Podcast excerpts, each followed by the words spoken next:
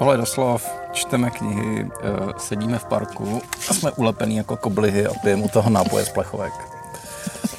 Ale nebojte se, i dneska budeme hovořit o knihách, jenom si ještě já otevřu pití. Tak. Takže já mám první otázku, Ondřej. Ty jsi se mě ptal, jestli jsme někam psali, co jsme doporučovali na letištění posledně. Proč jsi se ptal? Ty jsi něco nepřečet z toho, co jsi doporučoval? Nestihl to a chceš to na další léto, nebo? Ne, ale uh, jsem si docela jistý, že někdo se mě ptal, jestli z nás vypadnou opět letní typy na čtení. Což jsem si vlastně nebyl jistý, jestli jsme někdy jako takhle vědomně dávali. Myslím si, že jsme se tak jako bavili o tom, co čteme v létě, nebo co jsme četli v létě. A, a myslím, že jedna z našich věrných posluchaček to ale jako celkem důsledně potom sleduje a zkoumá ty knihy a některý si počuje nebo kupuje a čtem. Takže myslím, že když z nás dneska vypadne jako pár titulů a dáme k ním nějaký komentář, tak pro někoho to třeba jako vodítko může sloužit. To je super. Já jsem naprosto přesvědčená, že jsme museli dělat letní čtení, protože moji příšernou historku o tom, jak jsem si vzala na tábor s aerobikem a břišními tanci Marie Bukčina, už jsem určitě v tomto podcastu říkala, takže to muselo být o letním čtení. a tuším, že ty jsi se taky tenkrát svěřoval s nějakou četbou nějakých přílišných klasiků nevhodných do horka. Jo, jo, jsem si tím docela jistý. A myslím, že si pamatuju i na nějaký průpovídky o tom, jak jsem v sicilském vedru četl cit slečny Smily pro sníh. Ano. A bylo to poměrně osvěžující. Ano, ano, ano. Tak já možná jako na tohleto rovnou ani nebudu dělat oslý můstek, vlastně jako zůstanu na té cestě, po který jdeme. Uh, teďka spousta lidí mluvila o několika českých knihách, které nedávno vyšly. Jedna z nich jsou Srpny, Uh, já jsem je teďka přelouskal docela rychle, ty už si je taky četla? Ne, to je jedna z knih, uh, který při mojí poslední návštěvě knihkupectví jsem si nakonec neodnesla s tím, že si je vezmu příště.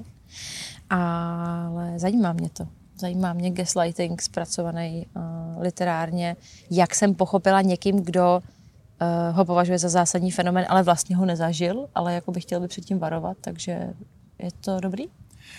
Myslím, že na debit je to docela slušný. Je to jako celkem hezky napsaný. A trošku se bojím, že krom toho tématu gaslightingu tam jako nic moc dalšího není. Okay. Okay. je, je to podvyprávěný v takovým, jako, takovým hezkým fórem, že s hlavní postavou postupně prožíváš opravdu jenom srpny uh-huh. z jejího života v uh-huh. nějaký sérii, během kterých se vyjevují uh, právě takové jako události, které se dějou jí, kolem ní, uh, to, co zažívá a to, to, jak vnímá to, co zažívá. Tohle je opravdu docela dovedně podaný.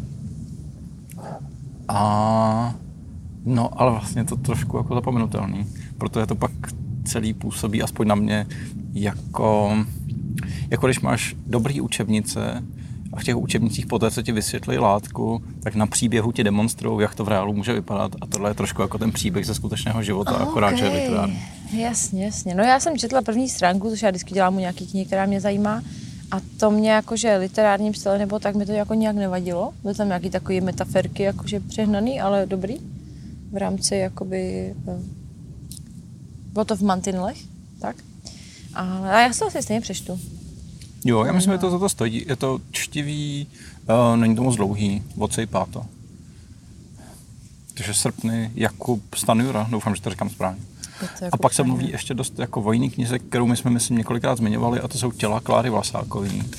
A, a k těm, já jsem říkal, že nemůžu jako nic eh, říkat ve smyslu, jako že bych to nechtěl hodnotit, rozebírat a tak dál, protože jsem měl možnost ten text číst v rukopise jednou nebo dvakrát, ještě jsem k němu jako dával nějaký komentáře Kláře, byl jsem jako mezi nějakýma beta čtenářema, tak to mi nepřišlo úplně fair. A navíc jsem vlastně, jak, jak jsem četl, myslím, že dvě ty verze, tak, eh, tak, tak už vlastně nevím, jako jestli teďka chci číst ten, ten výsledný produkt, okay. že už vlastně jako trošku vím asi, jak to probíhá. A, no, a moc se mi to líbilo, přišlo mi to dobrý a přišlo mi to vyzrálejší, nebo propracovanější asi, uh, než praskliny. Myslím, že na tom strávila Klára a, a její redaktor uh, dost času a myslím, že zaslouženě. No. Tak teďka jakoby vnímám, že to dostává nějakou docela pozitivní odezvu. Tak doufám, že právem. Já se na ně taky chystám v létě, protože eh, mě vždycky postihne to, že když je kolem té knihy moc velký hype, tak já mám pak strašný jako problém se dokopat tomu, abych ji taky přečetla. Ale zároveň samozřejmě, protože jsem uh, velká faninka Kláry Vlasákový. Nejsem až taková faninka Prasklin, popravdě, na rozdíl hmm. spoustu lidí kolem mě, i když to mělo jako svý velmi silný momenty, ale samozřejmě to téma a už jenom jakoby to, jak o něm Klára potom promlouvá v nějakých debatách a rozhovorech, tak je jako strašně důležitý a super, takže se těším i na tu knihu. A, a uvidíme, no, jako já, já, já určitě, určitě tomu žádný předsudky nemám. A Mě na tom připadá zajímavý se. ještě moment, který nevím, jestli jsme taky už nezmiňovali, a to je, že to možná vytváří takový jako zajímavý, zajímavou dvojici s um, nejvyšší kartou Petry Hůlový, že to jsou podle mě jako dva odlišní pohledy na tělesnost a možná jako na, na ženství, který jdou krátce po sobě jako v jedné sezóně. A docela by mě bavilo se jako od někoho, uh, někoho chytrýho přečíst srovnávačku nebo nějaký takový jako širší pohled, který by se obou těch textů dotkl. Teď to zní jako, že nečeká, že to napíšu já teda, ale... Mm, jako mě by to bavilo, takže pojď do toho. Ne já, ne, já samozřejmě Petra jako Hůlová, je, já ji už mám zařazenou s Biankou Belovou v jedné jako krabičce, i když možná, no, ale asi si to zaslouží. Uh, ale samozřejmě to neznamená, že bych jako nemohla číst její text, jo? A právě jsem slyšela takový srovnání, že to trochu vypadá jako, že že tomu přistupují ze dvou různých stran, jakože zcela o 180 stupňů opačných, že v podstatě to, co možná někteří uh, jakože optimisté vidějí i na knihách Petry Hůlový a co na nich jako já spíš vidím jako zásadní antifeminismus, tak vlastně, že ale jakože tematicky se to potkává, jenom to vlastně jde asi vyložit jako poměrně jako opačně. No to bude zajímavý. Já jsem teda koukala, že ta, že ta nejvyšší karta uh, jako vizuálně, já bych si vybrala Hůlovou, hmm. protože je strašně pěkně jako zpracovaná ta kniha, uh, což ostatně platí i o tom Staňurovi, on ten host dělá ty knížky prostě hezký. A, ale a přesně jsem tak jako šla po té oblasti, říkala jsem, jo, hůlová, no to asi ne. Ale jo, zajímavý srovnání, tak třeba si k tomu dopracuju, no. Pěkné, pěkné. Ale já teda popravdě, jak jsi říkal, že, ne, že nechceš hodnotit Klářinu knihu, protože si dělal beta čtenáře, já teda toho Marka Torčíka budu asi hypovat dál, když to vyjde, když jsem jako tomu dělala jako, jako beta čtenářku, protože prostě proč ne. Ale ne, tak je to fér říct samozřejmě, tak jako všichni vědí, že se nějakým způsobem kamarádíš s Klárou a s Markem, nebo že se oba kamarádí s oběma, hmm. nebo nějakým způsobem známe, tak to asi není nic proti ničemu. Ostatně tento rybníček je tak malý, že hrát si na nějakou objektivitu by bylo dost trapný. Jo, ale připadá mi vlastně důležitý tyhle ty věci občas připomínat. Hmm. Takže hmm. si dokážu představit, že vlastně ve chvíli jsi nějak jako víc součástí toho provozu takzvaně knižního, tak vlastně o tom počase přestaneš přemýšlet, protože se to stane jako běžnou součástí toho fungování, že vlastně je tady nějaký užší, zase tak úzké jako nebude, okruh lidí, který přesně jako navzájem si třeba jako čtou texty, ať protože dávají připomínky, anebo protože se dělá, nevím, třeba v grantových komisích a, a píšou na to posudky. Jo. Ale, ale myslím, že je fér tohle jako zmiňovat. Mm-hmm, no, že si myslím, že, že těm lidem, kteří prostě nejsou úplně takhle blízko, tak to trochu taky otevírá pohled na to, jak ten jako biznis a ta kultura v širším slova smyslu fungují. No. Jasně, to je pravda, no. Zase jako kdyby Markova kniha třeba byla blbost, tak já bych asi o ní nemluvila vůbec a neříkala bych, že je skvělá. Ale jako chápu, že jednak ne každý to tak má a druhák asi je to lepší vždycky jako nějak z- z- zveřejnit. Nebo tak nějak. No.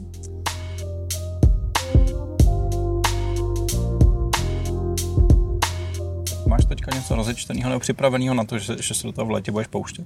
Já mám rozečtenou knihu, kterou už jsem slíbila několika lidem počít. A, takže ji musím a, samozřejmě dočíst. A já si musím vytáhnout normálně tu knihu z batohu, protože samozřejmě má paměť v tomto počasí je ještě o něco horší, než když není takový teplo. A zapomněla bych jméno. Já mám rozečtenou knihu Night Bitch od Rachel Yoder, což je jednak zaujala mě v knihkupectví Huntun Hammerstein v Berlíně, kde cokoliv mě zaujme, tak je strašně dobrý. Ale já jsem si ji tenkrát nekoupila. A pak jsem úplnou schodou náhod se na oslavě narozenin mého kamaráda, nejlepšího z dětství, eh, potkala s eh, jeho kamarádkou, kterou jsem neznala a která prostě strašně čte, má s kamarádkama společný Goodreads A já jsem úplně čuměla, protože ty knihy, o kterých já si myslím, jak je tady nikdo nezná, jak, jsou, jak jsem hrozně zajímavá, že já je znám, tak jsme se o nich prostě bavili, protože ona ještě taky. A tam mě říká, a jo, a četla jsem tu Night Bitch a to bylo super. A jsem říká, vážně, já jsem měla dát na svoji intuici, která vždycky v Huntun Hammerstein prostě zafunguje tak jsem si ji koupila. Ta kniha je strašně uh, silná. Myslím si, že to bude uh, výborný čtení hlavně pro rodiče malých dětí a bylo by super, kdyby to četli hlavně otcové, uh, protože matky se v tom asi dost najdou, ale možná se u toho jako ještě víc naserou. Night Bitch je postava, taková mm, trochu něco jako vlkodla, kdyby ten, ta zvířecí část nebyla vlk, ale pes, uh, ve kterou se začne proměňovat postupně matka malého dítěte, která je vlastně tako, jakože um, byla tak jako ukotvená do domácí sféry, bývala umělkyní, má nějakého manžela přírodovědce, který jako vydělává pro tu rodinu, je celý den někde v trapu a ona prostě je jenom s tím synem, hraje si s nima s vláčkama, hrabe jí z toho ten ten uh, otec, ten její partner nebo manžel, tak vlastně i když je doma, tak jakože on nevstává, když to dítě brečí, protože ani neslyší, ani to s ním nehne a ona je prostě už úplně z toho na nervy a, a postupně se jí začnou prodlužovat špičáky a začnou jí růst jako taký chlupy na zátilku. A tak a zároveň uh, to celé jako se odehrává na takovém nějakém předměstí, kde jsou takový tradiční ty maminky, které chodí s těma perfektníma dětma, s těma perfektníma účesama a s perfektním make-upem a s perfektním vším, prodávají bylinky. No a možná, že to nebude všechno tak jako jednoznačný, jako že suburbání maminky versus Night Bitch. Uh, jak to vypadá? Jako, že jsem v půlce, je to skvělý. Fakt je to skvělý a myslím si, že je to takový vtipný a magicko-realistický uh, zpracování toho nasrání, který ty matky určitě jako cítí, že vidím to že na, na uh, kamarádkách kolem sebe, takže můžu jedně doporučit. A... Chtěla jsem ještě říct, že to má na, eh, na obálce doporučení od Carmen Marie Machado, která je skvělá. Já jsem eh, četla její povídky a pořád se chystám na takovou její velice formálně zvláštní knihu o jednom vztahu a jeho rozpadu, takže to mě taky dost prodalo. Velice doporučuji. A až to doštu, tak to fakt všem těm lidem, kterým jsem to slíbila, postupně půjčím. A nebo si to můžou koupit, to paperback nebylo zase tak drahý. Mám pokračovat? Můžeš. Protože jasně. já můžu pokračovat, že já mám batoh plný knih. máš dost plný, tak uh, pojďme ho prohrabat. Ano, já jsem totiž si řekla, že nebudu spolehat na to, že si vzpomenu, co si chci přečíst. A že ba, ba naopak bych mohla jako to k tomu přistoupit tak, že ty knížky fakt fyzicky přinesu. To, co jsem teďka rozečetla na Poly Nonfiction, a teď potřebuji tady nahrávací zařízení zvednout, ano, děkuji, uh, tak je uh, kniha Aleny Wagnerový Neohlížej se z kameníš z neklidu kterou jsem si koupila na Anarchist Book Fairu, což je prostě stejná pas na peníze jako jakýkoliv jiný book fair. Tam přijdeš a prostě utratíš všechno, co jsi vybral z bankomatu a teď jako to nestačí, že jo? Teď všichni mají ty QR kódy a prostě ne, není jako... Takže není... jako rozvrací systém tím, že vydáváš všechny peníze. Přesně tak, ale to je potřeba, jako, to je potřeba prostě. Uh, no a tahle ta kniha každopádně teda zpracovává, je to druhý vydání, ona poprvé vyšla v 60. letech, tuším, že v 68.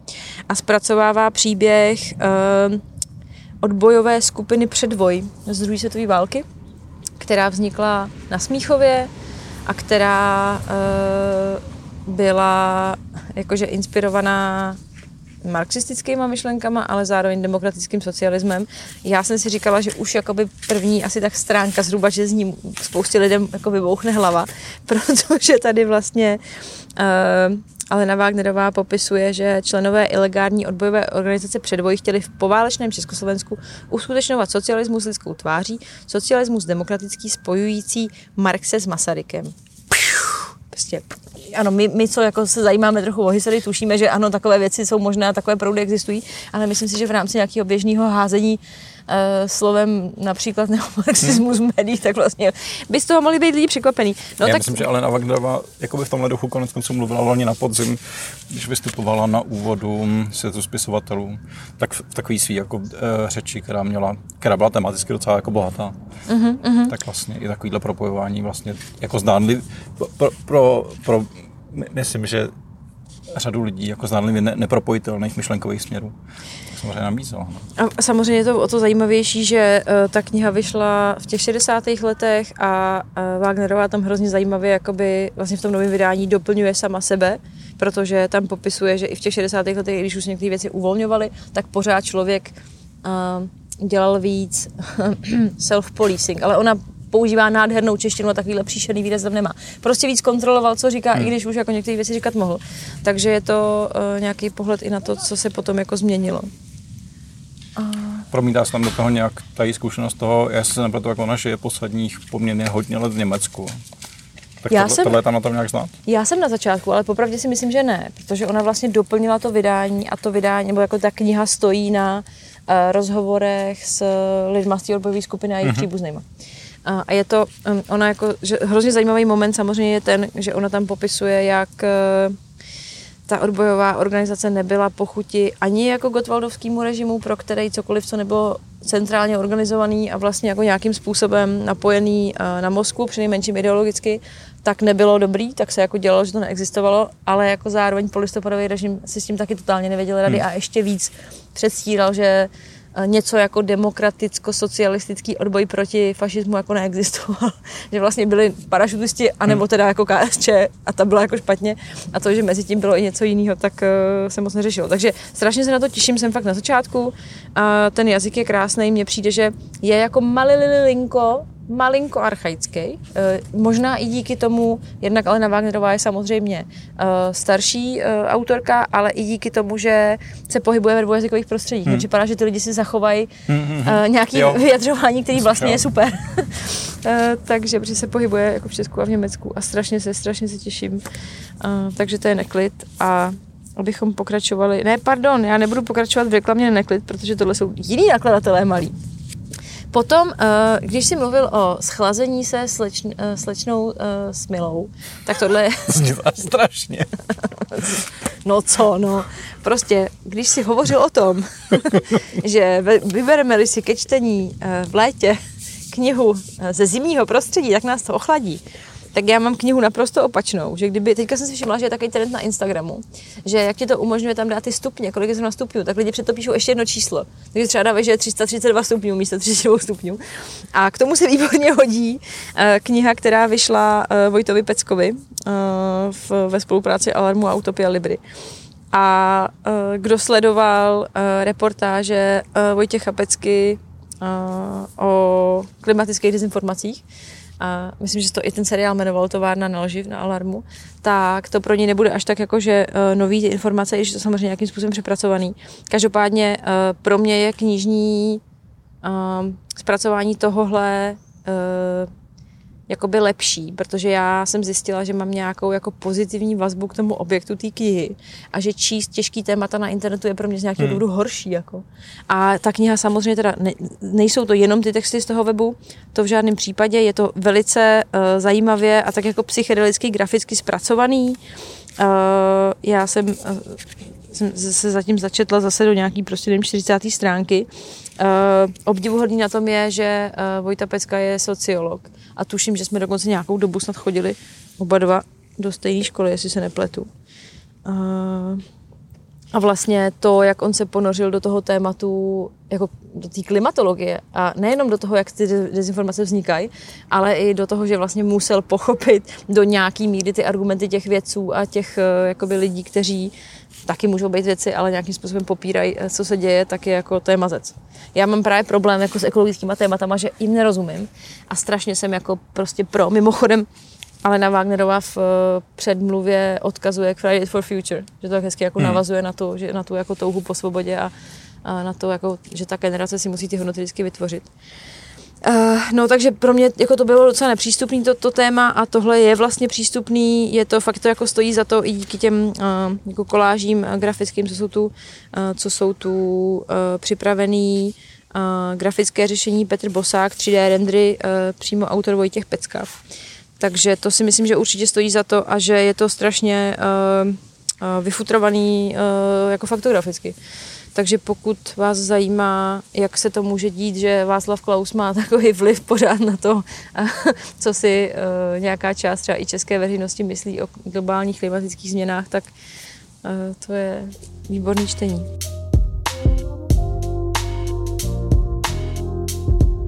Ale teď se něčím prolož, já tady nebudu Ale já- slát rozum. Já to teďka můžu proložit čerstvým čtenářským zážitkem. Doháněl jsem, jak je mým dobrým zvykem, nějaký resty. Tak jsem se konečně pustil do uh, knížky Olgy Fečový. Den byl pro mě krátký. A, a ověřil jsem si na tom, že nejsem moc zvyklý číst paměti. Uh, ještě tady jsou pojatý tak jako vypravěčsky. Tím, tím chci říct, že vlastně to jsou takový kratší segmenty, eh, kdy ona popisuje svůj život, eh, kdy vlastně že se přesouvala eh, z, ze Slovenska z nějaký vesnice nebo osady do Prahy, pak ale vlastně jako ta, ta rodina cestovala taky zpátky na to Slovensko, protože část té rodiny tam pořád zůstávala a, a popisuje tam nějaký jakoby svůj životní příběh a na něm se docela zajímavě ukazuje, jak Romové fungovali v české společnosti nebo v československé společnosti ve 20. století.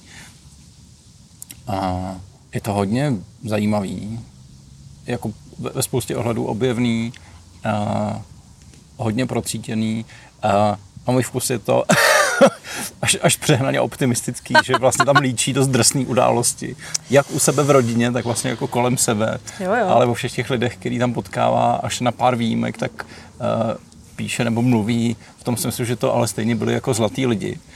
Uh, no, ale jako celek je to, je to docela fascinující a myslím si, že pro někoho, kdo prostě uh, chce chce nahlídnout do života lidí, s kterými třeba, já nevím, eh, nepřichází tak často do styku, protože jsou z jiného prostředí, mají jiný kořeny, eh, tak tohle je jako zajímavá vstupenka rovnitř. No. Je to eh, opravdu ve spoustě ohledů velmi překvapivý, pro mě hlavně v těch částech, které se odehrávají ještě na tom Slovensku, na té mm-hmm. vesnici, že ten vesnický život je tam popisovaný jako velmi barvitě a no, a, a vlastně jako z pohledu prostě roku 2023 to zní trošku jako, jako fantazy, no. Jakoby ta, ta pospolitost a, a způsob, jakým tam nějak jako fungovaly ty, ty rodiny pohromadě a, a jak si pomáhali a jak to bylo soudržný. Tak to bylo moc zajímavý pro mě. Jo, ta, ty paměti jsou úžasný a určitě jako uh, si myslím, že ještě Elena Lacková, narodila jsem se pod šťastnou hvězdou a vlastně i uh, Joffy, uh, já si nikdy nezapomenu to číslo, komiks, který vyšel v Keru, uh, který je jako, je to komiks a je dost cílený podle mě na takovou jako Adult kategorii a jmenuje se Joffy Z4515, myslím, to je podle čísla uh, jako z Auschwitzu vytetovaného, uh, který je zase ta autorka uh, potom žila ve Skandinávii, takže trochu jako z- zase z jiných uh, jako kruhů, ale že to hrozně doplňuje ten obrázek. Hmm. A když si člověk tyhle ty věci jako nějak načte, tak je to fakt mazec, no. Že i když si myslíš, že něco víš a ně, něco už si jako, že se o tom jako informoval, tak vlastně zjistíš, že to je třeba mnohem plastičtější ten obrázek a, a je to jako No, jsem, jsem moc ráda, že to vyšlo, no, a že právě, že to eh, je spolupráce Keru a Paseky, takže to má zase trochu větší dosah, než třeba jenom samotný Ker, což je Jo, super. souhlasím. A je tam, uh, což je takový jako detail, je tam vlastně moc hezká na konci obrazová příloha, což jsou jenom fotky uh, ze soukromého archivu a no, jsou krásný. Uh, no a dneska jsem si byl počet v knihovně uh, při téhle příležitosti bych rád řekl, že knihovna v Červenci je krásné místo, je skoro poloprázdná, je tam chládek a je to tam výborný. Uh, tak jsem si byl vyzvednout podobenství o rozsévači a od uh, Octavie Butler, říkám to správně. Ano. Tak to mě čeká teďka v následujících týdnech, dost se na to těším. A ještě mám vlastně jako jeden čtenářský zážitek teďka čerstvý. A to byla nová sbírka Radka Štěpánka Hezké počasí. A, a tam jsem pořád trošku na vážkách, co si o tom myslet, protože uh, Radek Štěpánek publikuje poměrně často. Uh, je to jeden z výrazných hlasů takový vlny jakoby nový přírodní poezie nebo ně, něčeho, čemu se občas říká environmentální poezie. A, a je to hezký, milý a začíná to být jako, říkám to se vší láskou k Radkovi Štěpánkovi, trošku stejný. No, Je to taková jako trošku hezká podsta některým starým japonským autorům, některým uh, mladším býtnickým autorům, uh, konec konců spoustu z nich tam zmiňuje. A a není to jenom o přírodě, je to hodně obrácení taky k rodině a, a myslím, že to klidně mohla třeba ještě počkat, nebo že tohle mohla být část nějaký příští sbírky, nebo něco podobného. Tak eh, plodní autoři a autorky mají trochu, vždycky hrozí, že si to bude podobný, že jo, potom. Jo, ale tak možná ze mě hovoří závist, protože eh, já vydávám knihy vždycky jenom za deset let a, a přitom jsou to naučky, takže... no, dobře. Ne, tak eh, samozřejmě my se těšíme, protože 10 let už, už to je pomalu bude, ne, za chvíli, dalších 10 let. Takže... Jo, a včera jsem dostal náhled stránky z edičního plánu nakladatelství Host, kde no, knížka, která se nakonec jmenuje Retro, vyjde v říjnu a, a myslím, že to stihnu za 9 let tentokrát. Super. Že to nebude ani 10. Super, tak to až budeme příště dělat kecací díl, tak já, si, já přijdu s, s hodnocením tvé sbírky. jako zvláštní host přijde Radek Štěpánek. Výborně.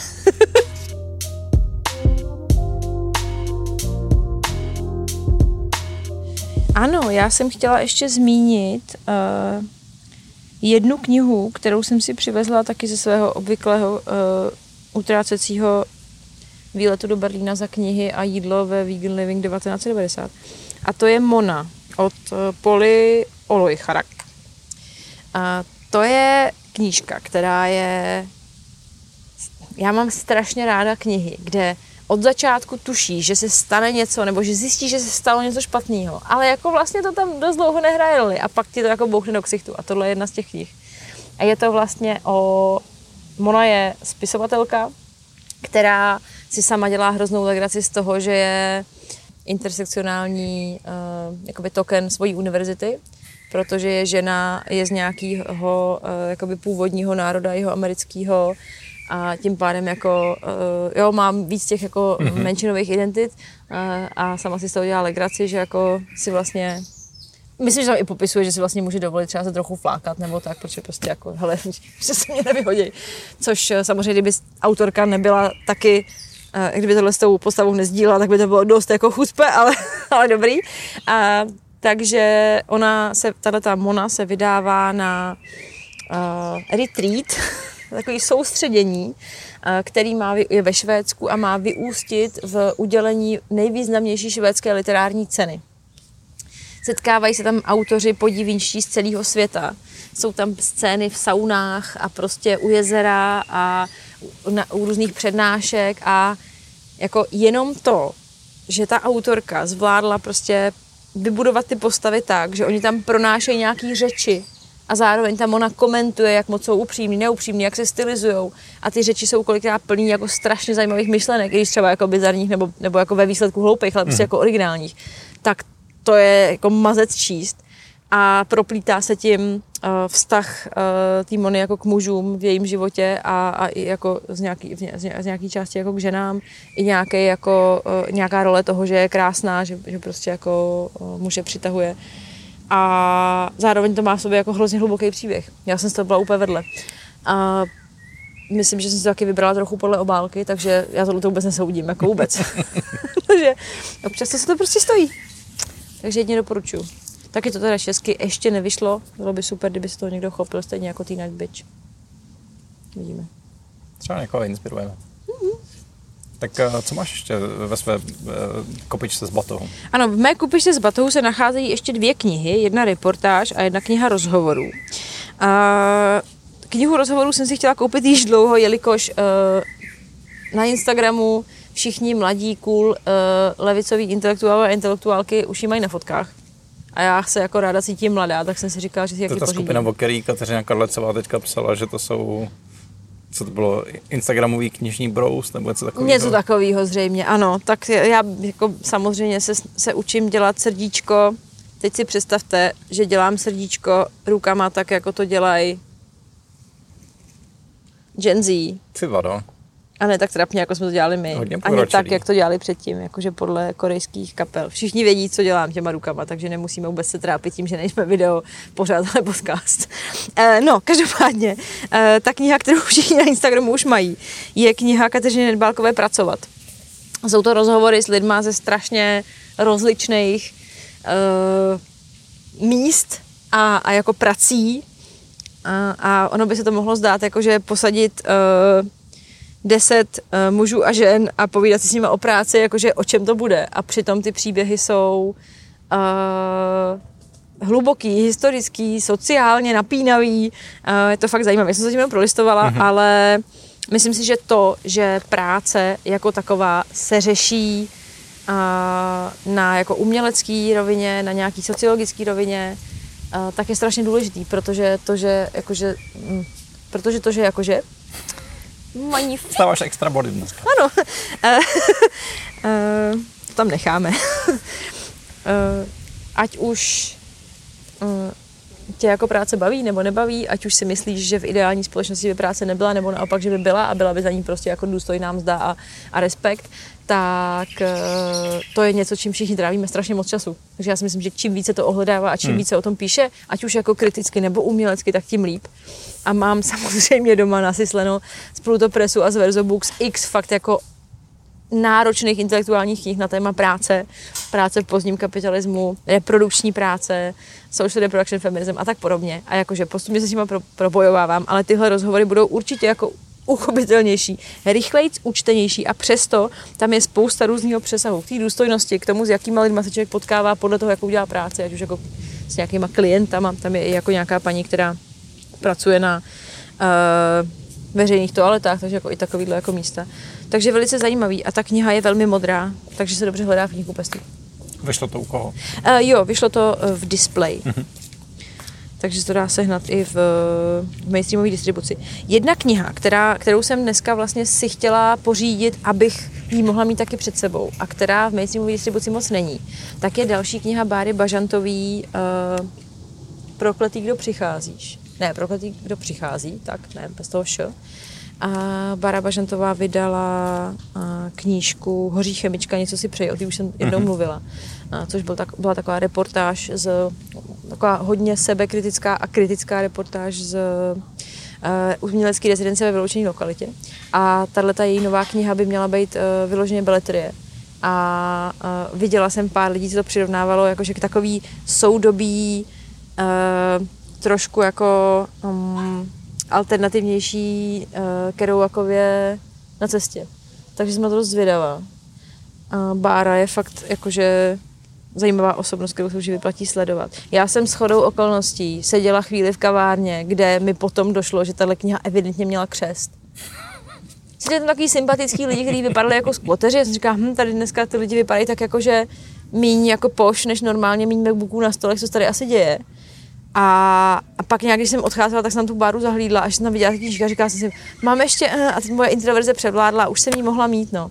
Ale to vlastně vyšlo v Divusu a mají to hlavně v malých knihkupectvích, mm-hmm. do kterých jsem dneska nestihla jít, no, takže určitě to stojí za podporu. No a poslední knížku, kterou tady mám na hromádce, když se začneme bavit o uh, živém umění a tak podobně, tak je jedna z novějších absintovek, Uh, Laila znamená noc od Alexandry Lipčák a to je kniha, která má uh, Určitě víte, jak vypadají prokletí reportéři od absintu, tak ten citát, který je na obálce, tak je, je to levý hák uštědřený obrazu rasově čisté Evropy. A ta kniha je o tom, jak se v Andaluzii a, a ve Španělsku, jaký tam jsou vlastně kořeny toho mísení nějaký muslimský a křesťanský kultury mm-hmm. a toho, že, nějak, že, že jako Evropa by až v posledních několika desetiletích byla nějakým způsobem míchaná etnicky tak je vlastně úplná blbost. A vypadá to strašně zajímavě, i se mi líbí, jakým jazykem je to napsané, takže se těším. A, a psi, v Absintu vyšla ještě kniha Bestie, a ta je pro změnu o, a, o migrantech, kteří cestují vlastně do Spojených států z Jižní Ameriky, z Mexika. A já jsem si je prolistovala obě a přišla mě ta bestie, že jako ještě o něco, nebo vlastně mnohem drsnější, že fakt jde o to, jak se ty lidi dostávají z nějakých podmínek strašných, kdy to není ani úplně tak ekonomická migrace, ale fakt útěky před gengama a podobně. A říká se si, to asi až na podzim. ale vypadá to zase, zase skvěle, no.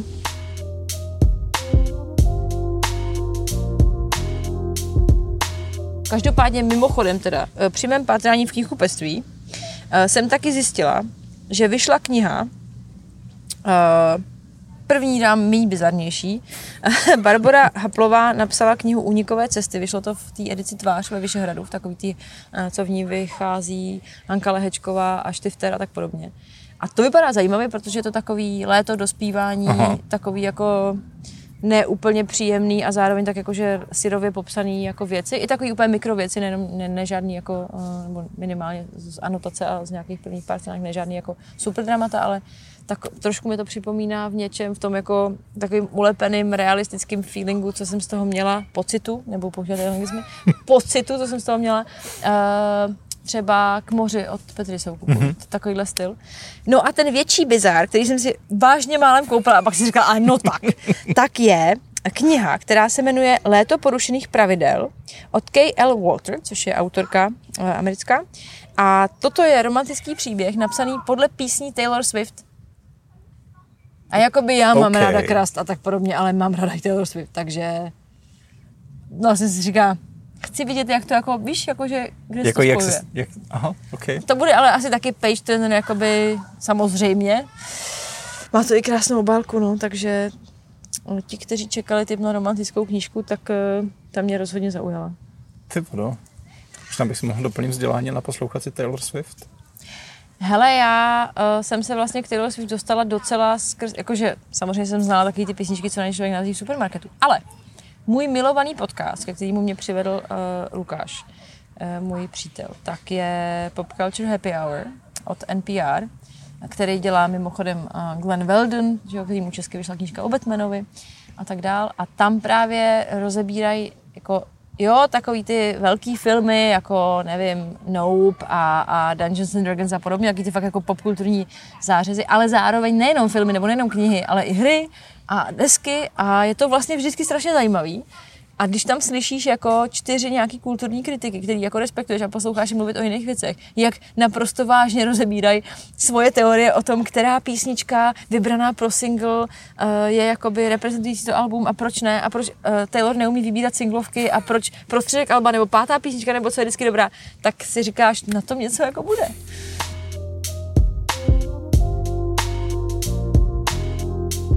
A co eh, tvé další kulturní plány, případně dojmy eh, letní? Vlastně žádný velký plány teďka nemám. Jo? Uh, viděl jsem programy několika zajímavých akcí, hlavně knižních, jako um, teď mi připomeň v Mariánských lázních Knižní lázně. jsou knižní lázně a je to už ale druhý, možná třetí ročník. Je, no. Ne, No. prostě koukám na hodinky teďka. A, a ten program zní vlastně moc hezky, tak to jsem trošku v pokušení si udělat výlet tímhle směrem, protože tímhle směrem jsem si teda dlouho výlet nedělal. Kdo by jezdil na západ, jo? Aha. No a jinak já trávím vlastně jako dost času i teďka přes léto uh, vymýšlením uh, argumentů a sepisováním informací pro status umělce, což prostě bude moje téma pro letošní rok a zřejmě příští rok a až do konce roku 2025, kdy konečně snad jakoby ten zákon nebo zákony, nebo co to nakonec vznikne, projde parlamentem. Mm-hmm. Takže vlastně žádný jako velký moc kulturní ambice pro letošek, pro léto nemám. No to je super, jakože ten status umělce, tam si myslím, že se to začal jako lámat chlebíček, že se ukazuje, kdo si jako myslí, že co si na sebe nevydělá, tak nemá existovat. I přes jako očividnou existenci spousty jako rovin lidské společnosti, pro který to prostě neplatí. Takže je super, kdyby lidem došlo, že to nemá platit ani o umění, no, takže to držím palce každopádně. No, ta debata je místama jako nepříjemná, místama je ohromně zajímavá a, a každopádně z ní pro mě vychází prostě spousta nepříjemných zjištění, hlavně ve smyslu toho, že um, jsme prostě jako Česko ve spoustě věcí strašně pozadu. Hmm. Máme to jako spoustu věcí podfinancovaných, včetně jako ministerstva kultury, na který rádi, myslím, tady z kulturní obce jako nadáváme, ale který podle mýho je jako podfinancovaný, je tam málo lidí, trošku se bojím, že jsou jako na pokraji vyhoření tím, jak je jich málo. Hmm. A, a my bychom zároveň potřebovali, aby teďka jako opravdu zabrali a, a makali a tohle to s náma dotáhli. A no, celý je to docela nepříjemný. Jako to, to zjišťování. A pak to má ale ten příjemný aspekt v tom, že uh, taky pozoruju, že prostě celá otázka statusu umělce třeba strašně spojila lidi z různých uměleckých oborů a to je moc příjemný sledovat, to je opravdu dobrý. No, mě to taky těší, no, protože mně připadá, že tam je strašně, jako strašně zásadní aspekt, který jako já samozřejmě ve své pseudopublicistické kariéře se ničemu jinému nevěnu a to, že jako v momentě, kdy uh, lidi, kteří vytváří umění, uh, z něj nemůžou vyžít, tak to umění, který se potom dostane k těm jeho konzumentům a konzumentkám, bude strašně omezený, protože bude jenom lidí, kteří si můžou dovolit. A to je vlastně tragédie, takže, takže v tom hodně podporu. A mimochodem, když jsi zmiňoval ty knižní lázně, které teda jsou že vlastně pořádaný malýma nakladatelema, tak já tam budu tentokrát dokonce figurovat, protože Anna Štičková mě oslovila, a jestli se nechci zapojit do debaty a já jsem samozřejmě říkala, super nápad na výlet. A teď se trochu děsím, co vlastně uh, z toho bude. Každopádně vás zveme určitě, protože já budu mít debatu s Karolínou Zoem Meixnerovou, která eh, to je ta žena, která popularizuje skrze takový bulvární témata uh, literaturu nejen českého národního obrození. Já strašně mám ráda ten její komediální styl, ale zároveň je mi jasný, že jako v tom má načteno, tak potřebuju taky nějak připravit, abych nepůsobila jako, uh, jako jak bych to řekla, blbec. Takže jsem na to moc zvědavá, protože ta diskuze by měla být o tom, jestli skutečně čteme to, co chceme číst, o tom, jak funguje literární kánon, hmm. nějaký jako uh, i nějaký marketingový tlaky a zároveň nějaký seznamy povinný četby. A jak se vlastně v tom, jak si z toho jako vysekat to, že čteš co, to, co chceš a co tě jako obohatí. Takže to by mohlo být zajímavý. Hmm, to, je, to je zajímavý téma samo o sobě. No.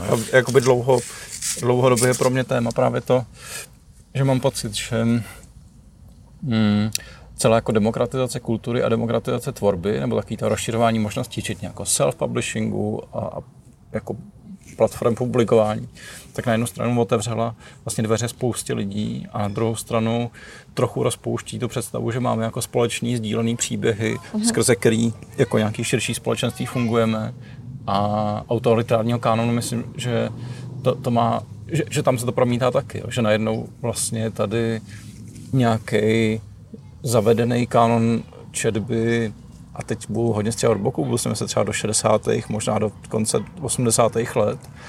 A pak se to hodně rozvolňuje právě proto, že vlastně jako už, už je to mnohem otevřenější. A, a hm, to, je, to je debata, u kterých bych docela rád byl. Já si myslím, že tam by to přesně mělo fungovat tak, že uh, ta demokratizace je super, ale že potom je potřeba, aby právě ty kruhy umělecký, čtenářský vytvářely platformy, ve kterých se bude spojovat, kde se jako dozvíš i o tom, co tě třeba tak úplně primárně nezajímá, hmm. ale co je pro někoho jiného ten velký příběh. A to je samozřejmě jako úkol složitý. Uh, a taky budu jo. teda se, se uh, pokoušet pobavit publikum na Peča Kuča. Uh, a to už bude jaký pracovní, tam budu jako s, s knihobotem, takže to bude taky legrace. A a jinak sama nevím, teď se vrátila uh, jedna moje kamarádka, uh, které bude mimochodem vycházet dětská knížka, Jitka Eserová. Bude vydávat u Běží lišky uh, knížku, která je hodně o sourozenských vztazích a o Anglii. Uh, tak se vrátila z Dánska. A tam ta Louisiana, ta jejich galerie, krásná moderního umění, tak má na podzim uh, literární festival, kde ale jakože jsou fakt takový ty jména, co se sem nedaří dostat, anebo když, tak jako jednou za deset let. Takže já si pořád myslím na to, že bych tam jednou udělala výlet. Takže to je taková věc, která jednak je v zimě skoro a na severu, takže se tak jako si ji představuju, jak by to bylo příjemný. A taky uh, bych si tím jako zalepila ten, uh, to trauma z toho neexistujícího tabulku a podobně. Což samozřejmě je trošku jako opačný pol toho, jako tam jde o úplně jiné věci, než o to, že tam uvidíš, nevím, na Wonga, že jo? ale prostě jako, že ten, ten silný zážitek to má taky. Takže třeba když jsem teďka vyslovila, tak se vykopu, vykopeme a pojedeme na, na literární festival, který se pořádá v Louisianě. Doufám, že to nekomolím to jméno. Ne, nekomolíš, Louisiana. No. To se tak prý jmenuje podle toho, že všechny manželky toho pána, co to založil, se jmenovaly Louise. Pěkný.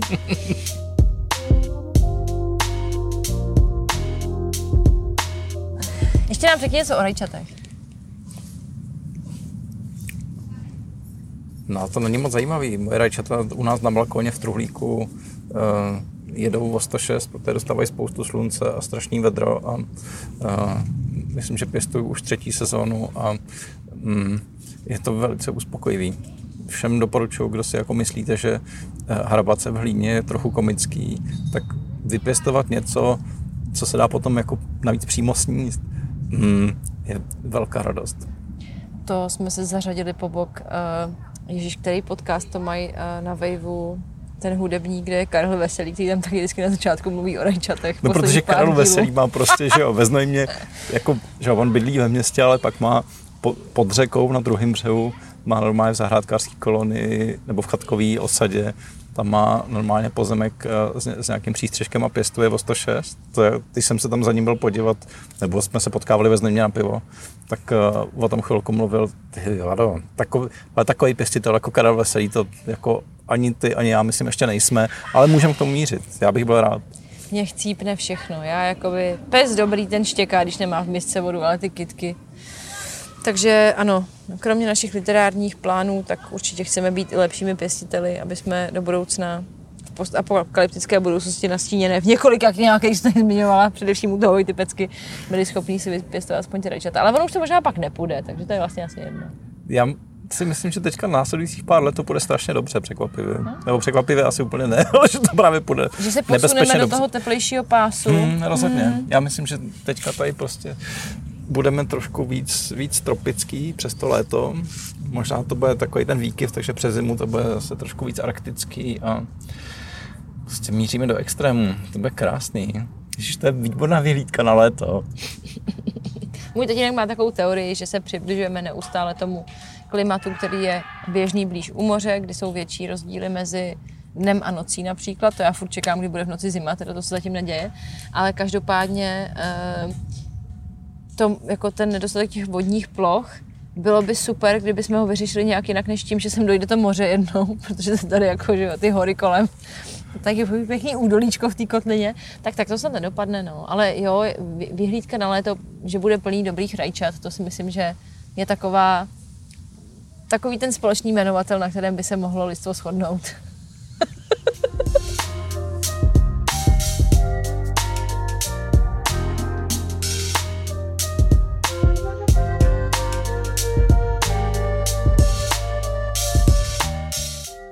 Díky za pozornost. Vážíme si toho, že s námi trávíte čas.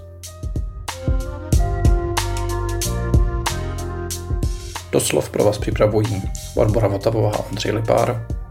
Pokud máte chuť, kupte nám kafe na platformě Buy Me a Coffee nebo nám dejte hvězdičky a komentáře tam, kde náš podcast posloucháte.